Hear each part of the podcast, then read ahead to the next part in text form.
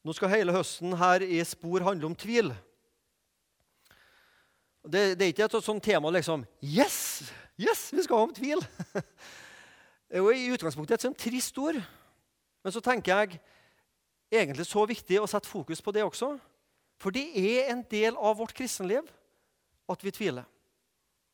Og Det å være kristen handler om å snakke sant om livet. Og Skal vi snakke sant om livet, så må vi av og til snakke om synd, og vi må snakke om tvil og det som ikke er så hyggelig å snakke om.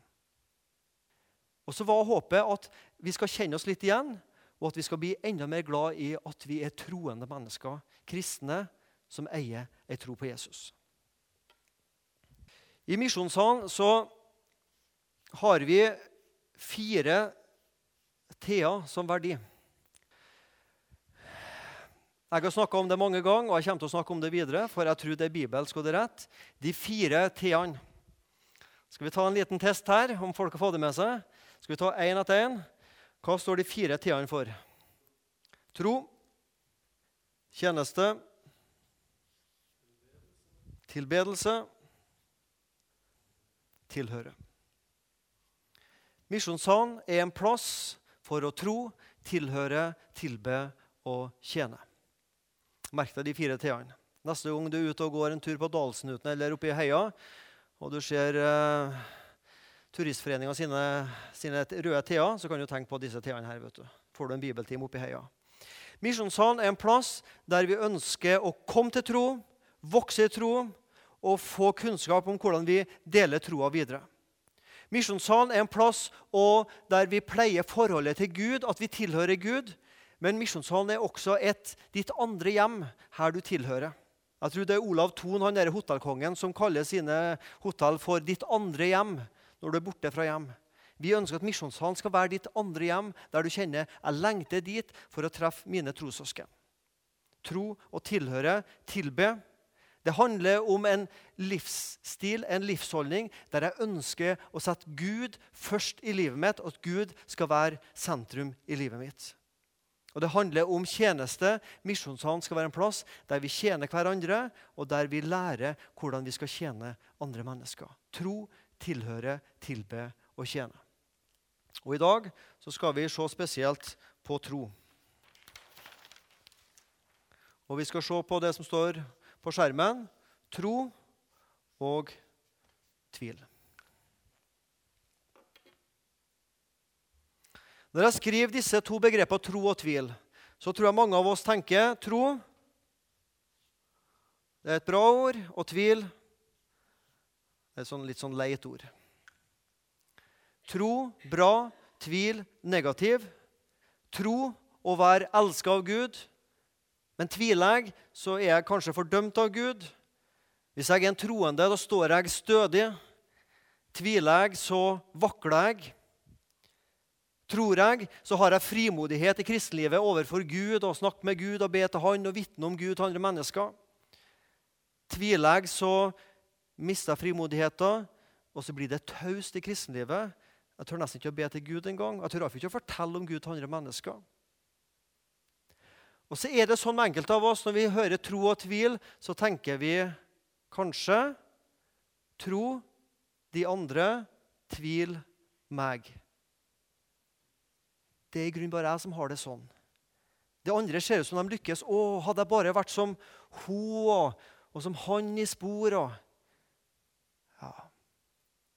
Men jeg sliter med sånn, og så har jeg gjort sånne ting i livet. og sånn. Jeg får ikke meg til å tro meg som en skikkelig kristen. De andre meg. Her er en gutt som leser i Bibelen. Syns det skjer mye bra. Tro, smil. Så var det noe som var vanskelig å forstå. Ikke kanskje bare vanskelig å forstå, men det skapte kanskje tvil hos ham. Og så har vi en tendens til å tenke at mellom tro og tvil så er det et vanntett skott. Enten så tror du, eller så tviler du. Og Det er liksom et skille der mellom tro og tvil. Iallfall så må jeg ha 50, mer enn 50% på tro i forhold til tvil, sånn at liksom vekta bikker den rette veien. Hvem er du og jeg som er kristne? Hva er det som er det innerste kjernen i oss? Er vi som denne her?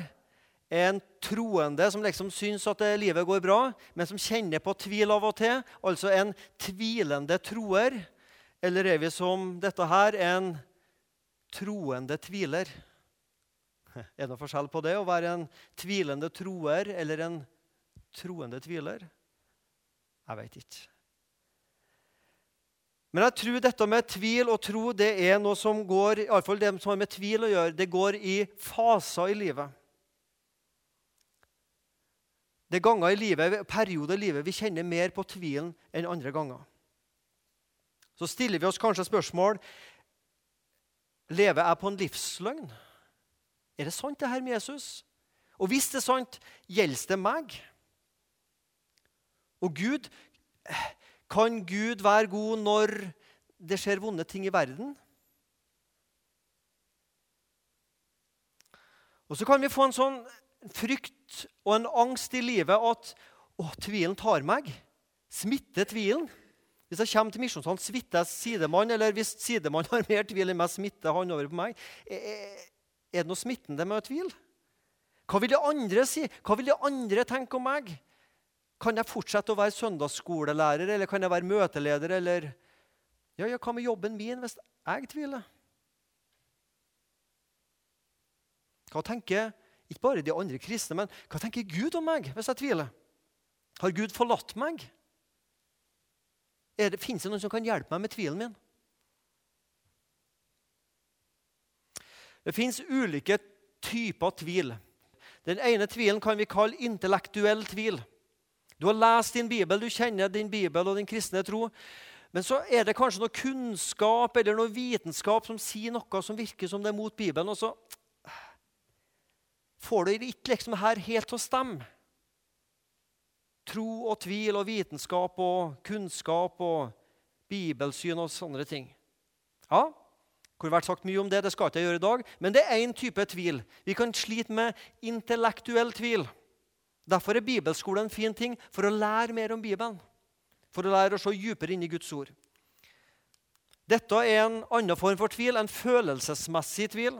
Jeg vil være en kristen, men så blir jeg så skuffa kanskje over andre mennesker i menigheten. Det er krangling. De kristne var ikke sånn som jeg hadde håpa på. Eller det kan være kriser i livet, sykdom. Kan Gud være glad i meg når jeg har fått kreft? Gud, vil Gud straffe meg noe når jeg har fått det? Og så kan det bli en følelsesmessig tvil. Trostvil. Ja, jeg tror på Gud. Ja, jeg tror at Gud elsker mennesker. Men, men meg? Elsker han meg? Ja, jeg tror det fins en himmel, jeg tror det fins et helvete, og jeg tror at veien til å unngå fortapelse og komme til himmelen, det er gjennom Jesus. Men elsker Jesus meg? Går jeg fortapt? Har Gud forlatt meg? Kan Gud elske meg når jeg har gjort sånn og sånn? Så drar vi med oss noen synder i livet, og så blir det en trostvil. Det er det som man på gammelt kalte anfektelse. Har du hørt det begrepet? Anfektelse. Jeg er ikke vokst opp i kirke og bedehus, men jeg kom inn i det i ungdomsåra. Og så var jeg med på ungdomskor og ungdomsleirer. og husker at han predikanter snakka om at ja, du er ikke skikkelig kristen uten å være anfekta. Jeg husker jeg gikk et helt år og lurte på hva er det jeg ikke har opplevd for å være en skikkelig kristen. Du må være anfekta. Hva er det for noe? Ja, det er et sånn egentlig tysk ord. Anfektung. Du er, Se for deg en fekter. ikke sant? Du blir stikket borti samvittigheten i troslivet, og du kjenner det stikket. Er jeg en kristen? Kan Gud være glad i meg når jeg har gjort de syndene? En trostvil. Ok. Nå skal du få være med på noe som jeg kanskje håper du syns er spennende. Du skal få være med og lage litt av resten av preka. um, nå, nå skal jeg få noen forslag fra dere. Nå skal vi prøve å tenke Gammeltestamentet og Nytestamentet. Og så skal vi prøve å tenke ut noen troshelter i Gamle og Det nye testamentet. Sånn skikkelig troshelter, altså, sånn som du ville gitt terningkast seks hvis du skulle liksom ha vurdert deres trosliv. Skal vi starte i Gammeltestamentet? La meg ikke høre Paulus her, altså. han eh, kommer senere. Nå, nå har vi Gamle testamentet. Har vi noen troshelter der? Noah? Abraham? Er det andre troshelter i Gamle testamentet? Ja, det er mange av dem. Jobb? Enok? Daniel, ja. Definitivt. Noen profeter som liksom var troshelter? Elias? Ja, vi kan fortsette her. Flere. Det var veldig manneaktig her. Vi kunne nevnt Ester, f.eks. Da tror jeg vi må ha med Moses. Jeremia, profeten Jeremia, kong David. Vi kunne nevnt mange her som er troshelter. Og Nå er det store spørsmålet Disse store trosheltene, tvila dem? Var det tvil i deres liv? Eller hadde de en så sterk tro at de aldri tvila i sitt liv? Hæ? Du tror ikke Enok tvila? Nei, mulig. Du satte meg litt på prøve der, for jeg må bare si at han, han var ikke i min topp 20-liste her. Altså, men men uh, ja Det står litt om Enok i Gammeltestamentet. Jeg tror det var han som ble rykka bort uten at de visste hvor han ble av. Vi skal se på Moses, og så skal vi se på Abraham, for det har jeg forberedt. Vi skal ta de to. Så dere fikk jo ikke helt være med å lage preka, da, men uh, nå kunne jeg iallfall være med å foreslå litt. Så skal vi se om disse to For det er jo virkelig blant de to store i Gammeltestamentet. Tviler dem? Og hvis de tviler, så forstår meg rett, det var jo litt kjekt for oss. da. Vi som når dem så vidt opp til ankelen i troslivet. Hvis de tviler, så var jo, var jo iallfall ei trøst i det. Abraham, han som levde først. Levde nesten helt først i Bibelen. Iallfall i første Mosebok levde han. De troendes far blir Abraham kalt. Nå skal ikke vi ta hele historien, for vi har ikke så god tid, men skal vi ta det litt i kortversjon. Bodd borte i dagens Irak. Og så kaller Gud Abraham og hans slekt ut av Ur i Kaldea. Og så vandrer de nordover, og så drar de rett vestover og sørover. Og så kommer de da til Kanans land, dagens Israel. Han visste ikke hvor han skulle. Gud hadde ikke gitt ham en ferdig kjørt ut et kart på, på gulesider.no. Det fantes ikke den gangen. Han visste ikke hvor han skulle men vandra i tro. Tok med seg slekta. Men Gud ga han et løfte. Du skal få et eget land. Du skal bli et stort folk. Flere enn du kan telle sandkorn på havets strand. Og du skal få en løftesønn og bli et stort folk. En slekt. Og Det trodde han på. på. I tro så drog han bort fra land og slekt til et nytt land. Og Det står om Abraham at Abraham trodde på Herren, og Gud regnet ham det til rettferdighet. Hans tro ble regna som rettferdighet. Og Hvis du har lyst til å lese et kapittel i Bibelen om disse trosheltene, så skal du lese Hebreerne 11. Der er, det, der er Enok nevnt. Og der er mange gammeltestamentlige eh, troshelter nevnt, bl.a. Abraham. Og Det står om han at han var lydig da han ble kalt. Han drog av sted uten å vite hvor han skulle komme. Og han bar fram Isak som et offer da han ble satt på prøve. Han har fått løftesønn og får beskjed om å drepe han. Og Han er lydig og gjør seg klar til det før Gud da stopper han. Gud ville sette han på prøve. Mye kan sies om Abraham og hans tro, men så er spørsmålet Tvilte Abraham? Kan vi noen gang lese at Abraham tvilte? Abraham og kona Sara har kommet til Israel, og så er de da på en sommerferie ned til Egypt. Om det er Sharm el Sheikh de er til, eller vet ikke, men i alle fall så blir de taua inn av kong farao inn til sikkert Kairo, eller der han var. Og så skjønner Abraham at oi, kona mi er pen. Det visste han jo fra før.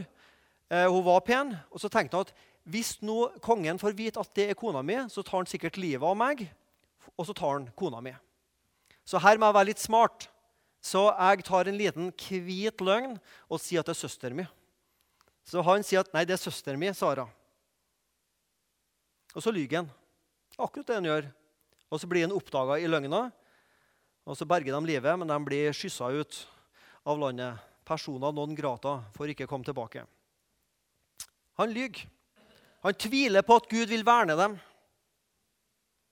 Og så får de løfte om at det skal fødes en sønn. Og Abraham er ca. Rundt, ja, rundt 80 år gammel, eller noe sånt, og Sara var en del yngre. Og Så går det litt tid, går det noen år, og så er Abraham 86 år gammel.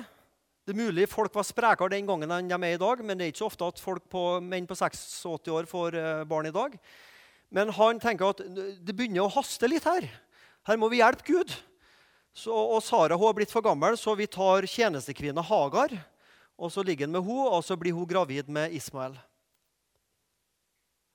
Og får, altså gutten Ismael. Men så sier Gud nei, det er ikke han som er eh, løftesønnen. Så får han Ismael, men det er ikke løftesønn. Og så går det fortsatt 14 år. Og så kommer Gud på besøk igjen og sier at om ett år så skal løftesønnen være der. Da er Abraham 99 år, og Sara er ca. 85 år. Og ikke, Folk får ikke unger på den alderen. Er, såpass skjønner vi. Når Gud kommer og sier at uh, du skal få barn, hva gjør Abraham og Sara da? Sier de 'halleluja'? Nei. Husker dere hva de gjør? De ler. Skikkelig sånn skra, hva heter det for noe? Sånn skikkelig latter. Rå latter, tenker jeg de hadde. De lo, altså. Og Isak, da, som er sønn, det betyr å le. Isak å le. De tvilte på Gud. Der klarer du aldri Gud. Og så ler de av Gud. De troendes far ler av Gud. Tvilte han i bøtter og spann. Moses trodde han, og til gangs. Lang historie kort. Vi vet han drap en egypter. Han dro ut i Midians ørken, var der i 40 år. Og Så møter Gud nå må jeg holde tunga rett i munnen, så møter Gud Moses med den brennende tornebusk. Og Så sier Gud nå skal du dra tilbake til Egypt og ta mitt folk ut. Du skal snakke imot farao og offentlige personer i Egypt, og så skal du og folket reise tilbake til Kanans land. Jeg skal rimelig bra tro til å gjøre det. Moses drar tilbake, tar med seg folket ut. Han kommer til Rødehavet, og vi kjenner den historien. Rødehavet der, egypterhæren bak. Han løfter staven, og havet deler seg i to. Du skal rimelig bra tro til det. Da må du ha tro på Guds ord, og han hadde fått Guds ord som sa at han kunne gjøre det. Og Hele Moses sitt liv og vandring er et vitnesbyrd om en trosperson. Tvilt Moses? Var Moses i tvil? Ja, når Gud kaller han, hva sier han da? Yes, dette har jeg venta på i mange år. This is the man. You need God. Here I am. Høres litt mer sånn kult ut på engelsk. Nei.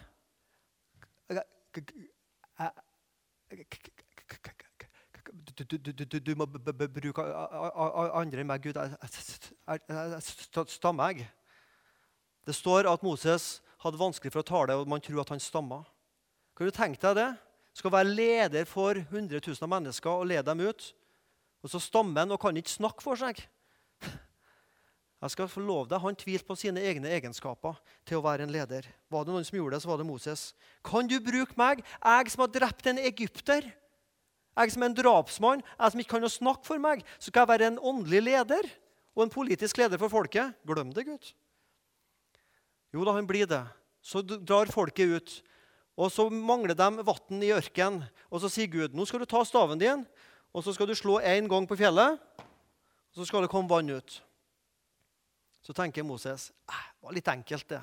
Må hjelpe Gud litt. Vi slår to ganger. Må hjelpe Gud litt. Stoler ikke helt på det Gud har lovt. Så vi må hjelpe Gud litt. Og Det at Moses slo to ganger istedenfor én, vi kan synes at det er en filleting, men det viste at han var ikke lydig mot Gud. Det var tvil også i Moses sitt liv. Ja, Moses, Abraham, jobb og herlighet hvor han trodde før Gud begynte å prøve ham. Jeg skal love deg, Om det var en som tvilte, så var det jobb. Av mange her. Skal vi gå til Nytestamentet? Skal vi gi noen navn på noen troshelter i Nytestamentet?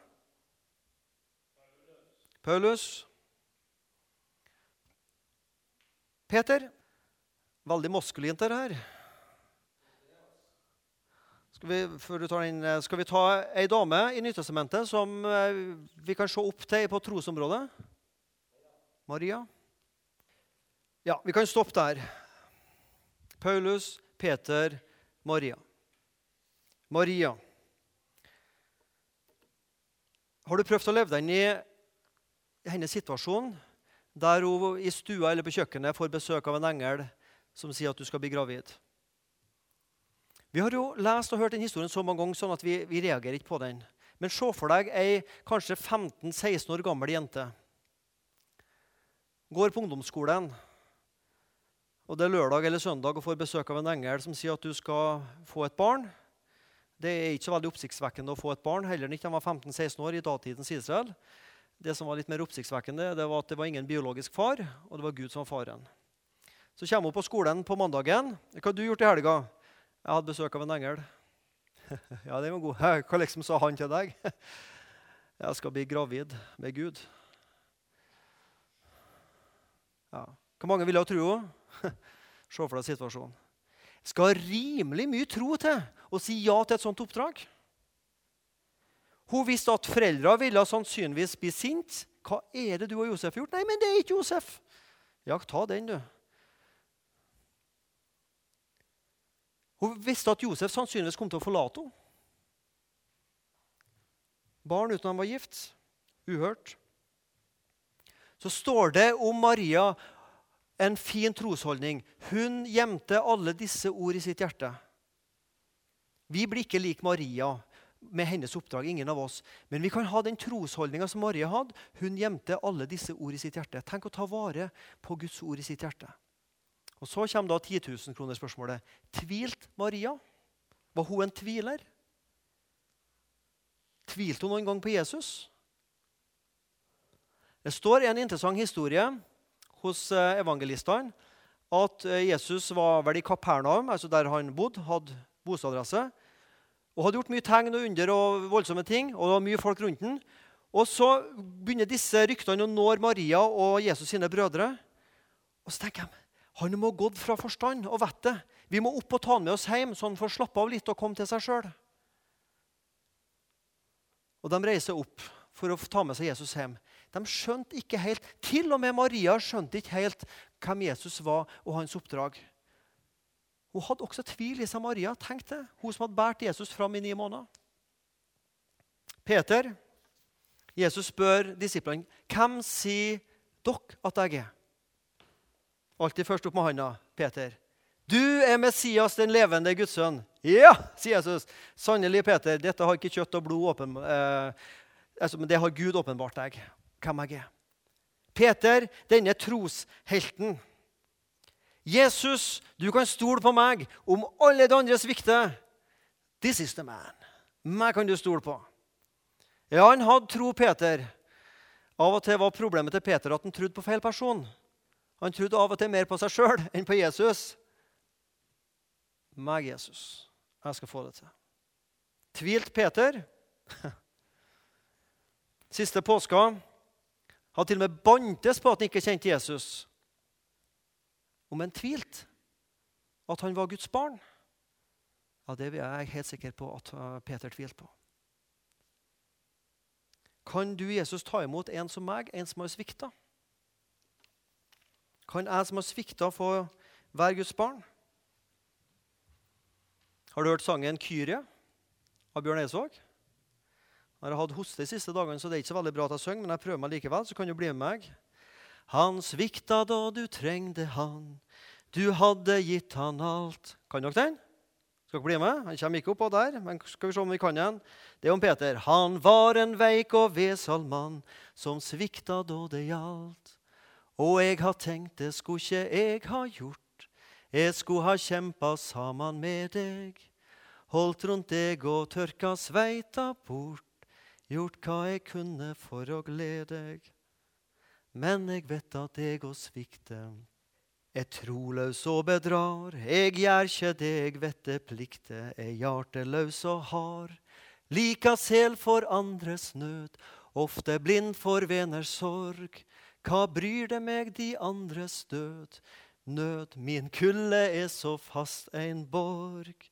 Likavel er du like glad i meg Tilgi meg alle feil og mine. Stille tar du kappa di av deg, tar til og vasker beina mine. Fikk Peter komme tilbake til Jesus, så kan du og jeg komme tilbake til Jesus, vi som tenkte at vi skulle klare det bedre enn Peter. Tvilt Peter? Ja. Paulus?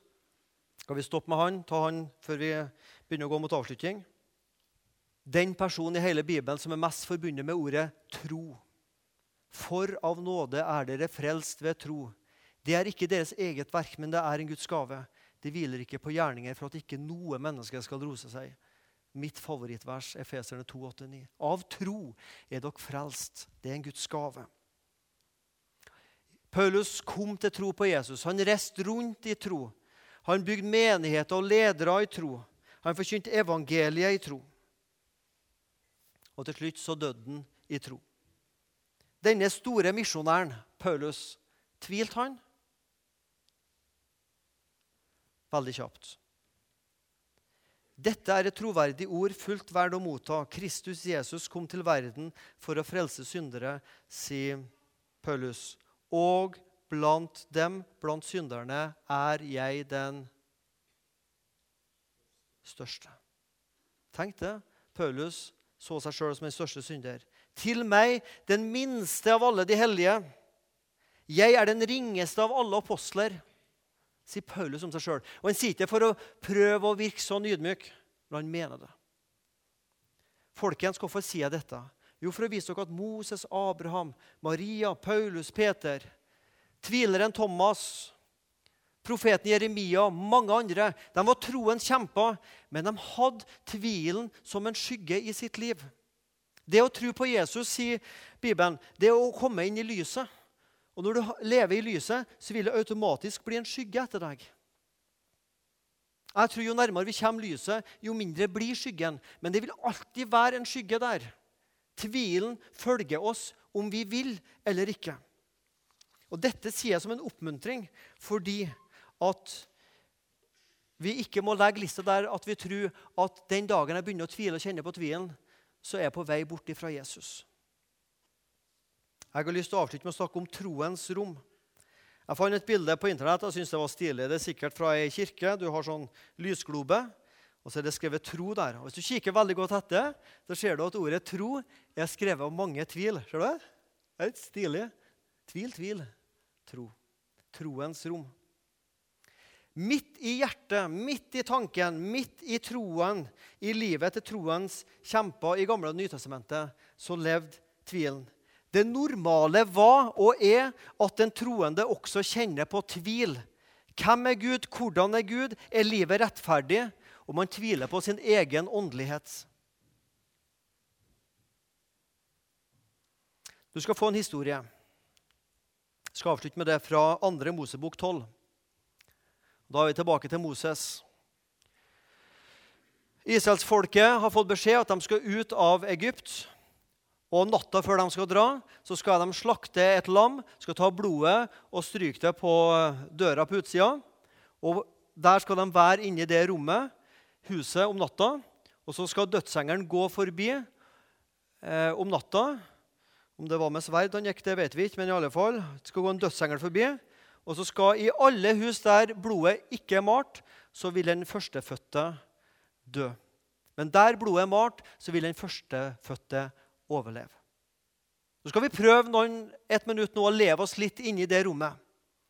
Se for deg et hus. Der sitter den førstefødte borti en krok. Bit negler. Det her kommer ikke til å gå bra. Det her kommer ikke til å gå bra. Jeg tviler på at det er nok det blodet som er på utsida. Hadde jeg bare ikke gjort det og sagt det og vært sånn mot foreldrene mine, så kanskje hadde det gått bra, men jeg tviler på at dette går bra. Kanskje midt i rommet i nabohuset så går den førstefødte. Litt sånn tenkende. Jeg vet ikke helt hva man skal tro. Ja, Gud har sagt det, og jeg stoler på Gud, men virker ikke veldig logisk og ikke så veldig vitenskapelig. og nei, Jeg får ikke her til helt å gå i hop. Kanskje i det tredje nabohuset så er den førstefødte en liksom, Kjenner ikke på tvilen i hele, to, hele tatt, men kjenner på tryggheten i livet. Yes!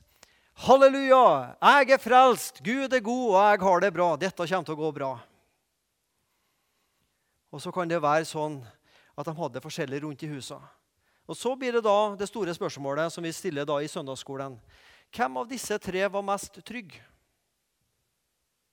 Den som satt borti en krok, den som ikke helt visste hva han skulle tro, eller den som var glad og fornøyd og visste han var frelst? Hvem av de tre førstefødte var mest eller minst trygg? Jeg sa det var et søndagsskolespørsmål, men det er egentlig et glimrende spørsmål. For vi vet svaret. Alle tre var like trygge fordi de var i troens rom.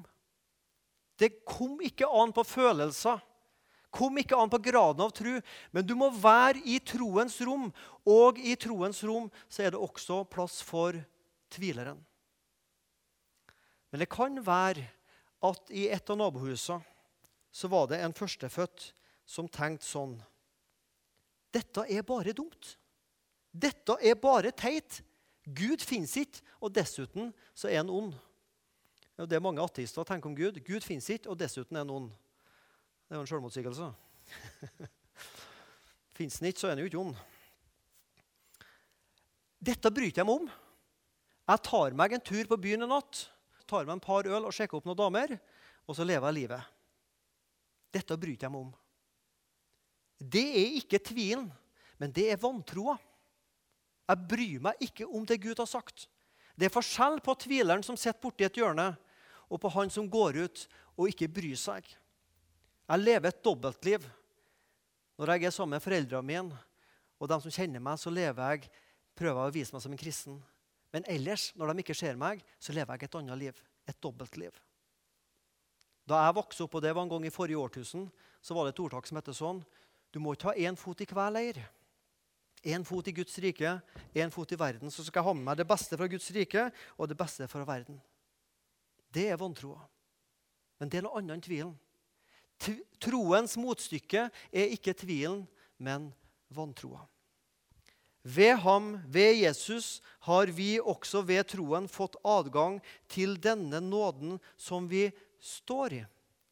Og vi roser oss av håp om Guds herlighet. Norges kristelige student- og skoleungdomslag har et flott slagord som heter 'Kristen på heltid'. Det å være kristen på heltid, det er det det handler om. Det er ikke sånn at nå er du kristen når du sitter i misjonssalen, eller når du er i cellegruppa, eller når du leser Bibelen, ber, gir kollekt, leser i utsyn, klikker deg inn på et eller annet kristen side på Internett. Da er du kristen. Men når du klikker deg inn på aftenbladet.no eller har ditt vanlige jobb eller studie, da er liksom Nei. Vi er alltid kristne. Når jeg sover, så er jeg kristen. Når jeg spiser, så er jeg kristen. Når jeg er med kona og barna, så er jeg kristen. Når jeg går på jobb, så er jeg kristen. Når jeg studerer, så er jeg kristen. Når jeg ligger på sofaen med fjernkontrollen, så er jeg kristen og velger hva jeg vil se på. Når jeg koser meg med en fotballkamp på TV-en, så er jeg også kristen. I alt det du er og gjør, så er du en kristen. Ta de rette valgene denne nåden som vi står i. Det er ikke sånn at jeg er frelst, og så når jeg ikke gjør kristne ting, så går jeg ut av nåden. Eller når jeg synder, så går jeg ut av nåden. Og hvis jeg plutselig oppdager at jeg har gått ut av nåden, så er det om å få bedt mest mulig og gjort mest mulig kristne ting. Så kommer jeg inn i nåden igjen, og så er jeg der igjen. Til jeg har gjort nok galt, så detter jeg ut av nåden. Og så er det om å komme seg inn igjen. ikke sant? Nei, nåden står vi. Nåden lever vi. Nåden er et rom som vi lever i, med vår tvil. Det er plass for tvilen i troens rom. Og Du må ikke miste troslivet ditt fordi at du kjenner på tvilen. For du kan gjøre noe valg når du kjenner på tvilen. Du kan velge å fornekte tvilen. Du kan velge å gi opp troa. Du kan isolere deg. Du kan begynne å spørre andre kristne i stedet om dette med tvil og tro. Du kan ta del i fellesskapet. Det var en rektor på en kristen folkeskole som ble intervjua om utfordringene med å ha elever som bodde på internat. At det gir noe mer utfordringer enn på en vanlig skole. Så sa rektoren dette. Vi prøver å lære elevene følgende. Hvis du møter opp, så kan vi lære deg noe. Hvis du ikke møter opp, så kan ikke vi lære deg noe. Hvis du er, kjenner på tvien, og du møter opp og tar del i det kristne fellesskapet, så kan du lære noe om Jesus. og om troens opphavsmann og fullender. Men hvis du isolerer deg med din tro, med din tvil, og isolerer deg og tenker at nå vil ingen ha mer med meg å gjøre, så vil bare tvilen vokse i deg og kanskje ikke føre deg nærmere Jesus.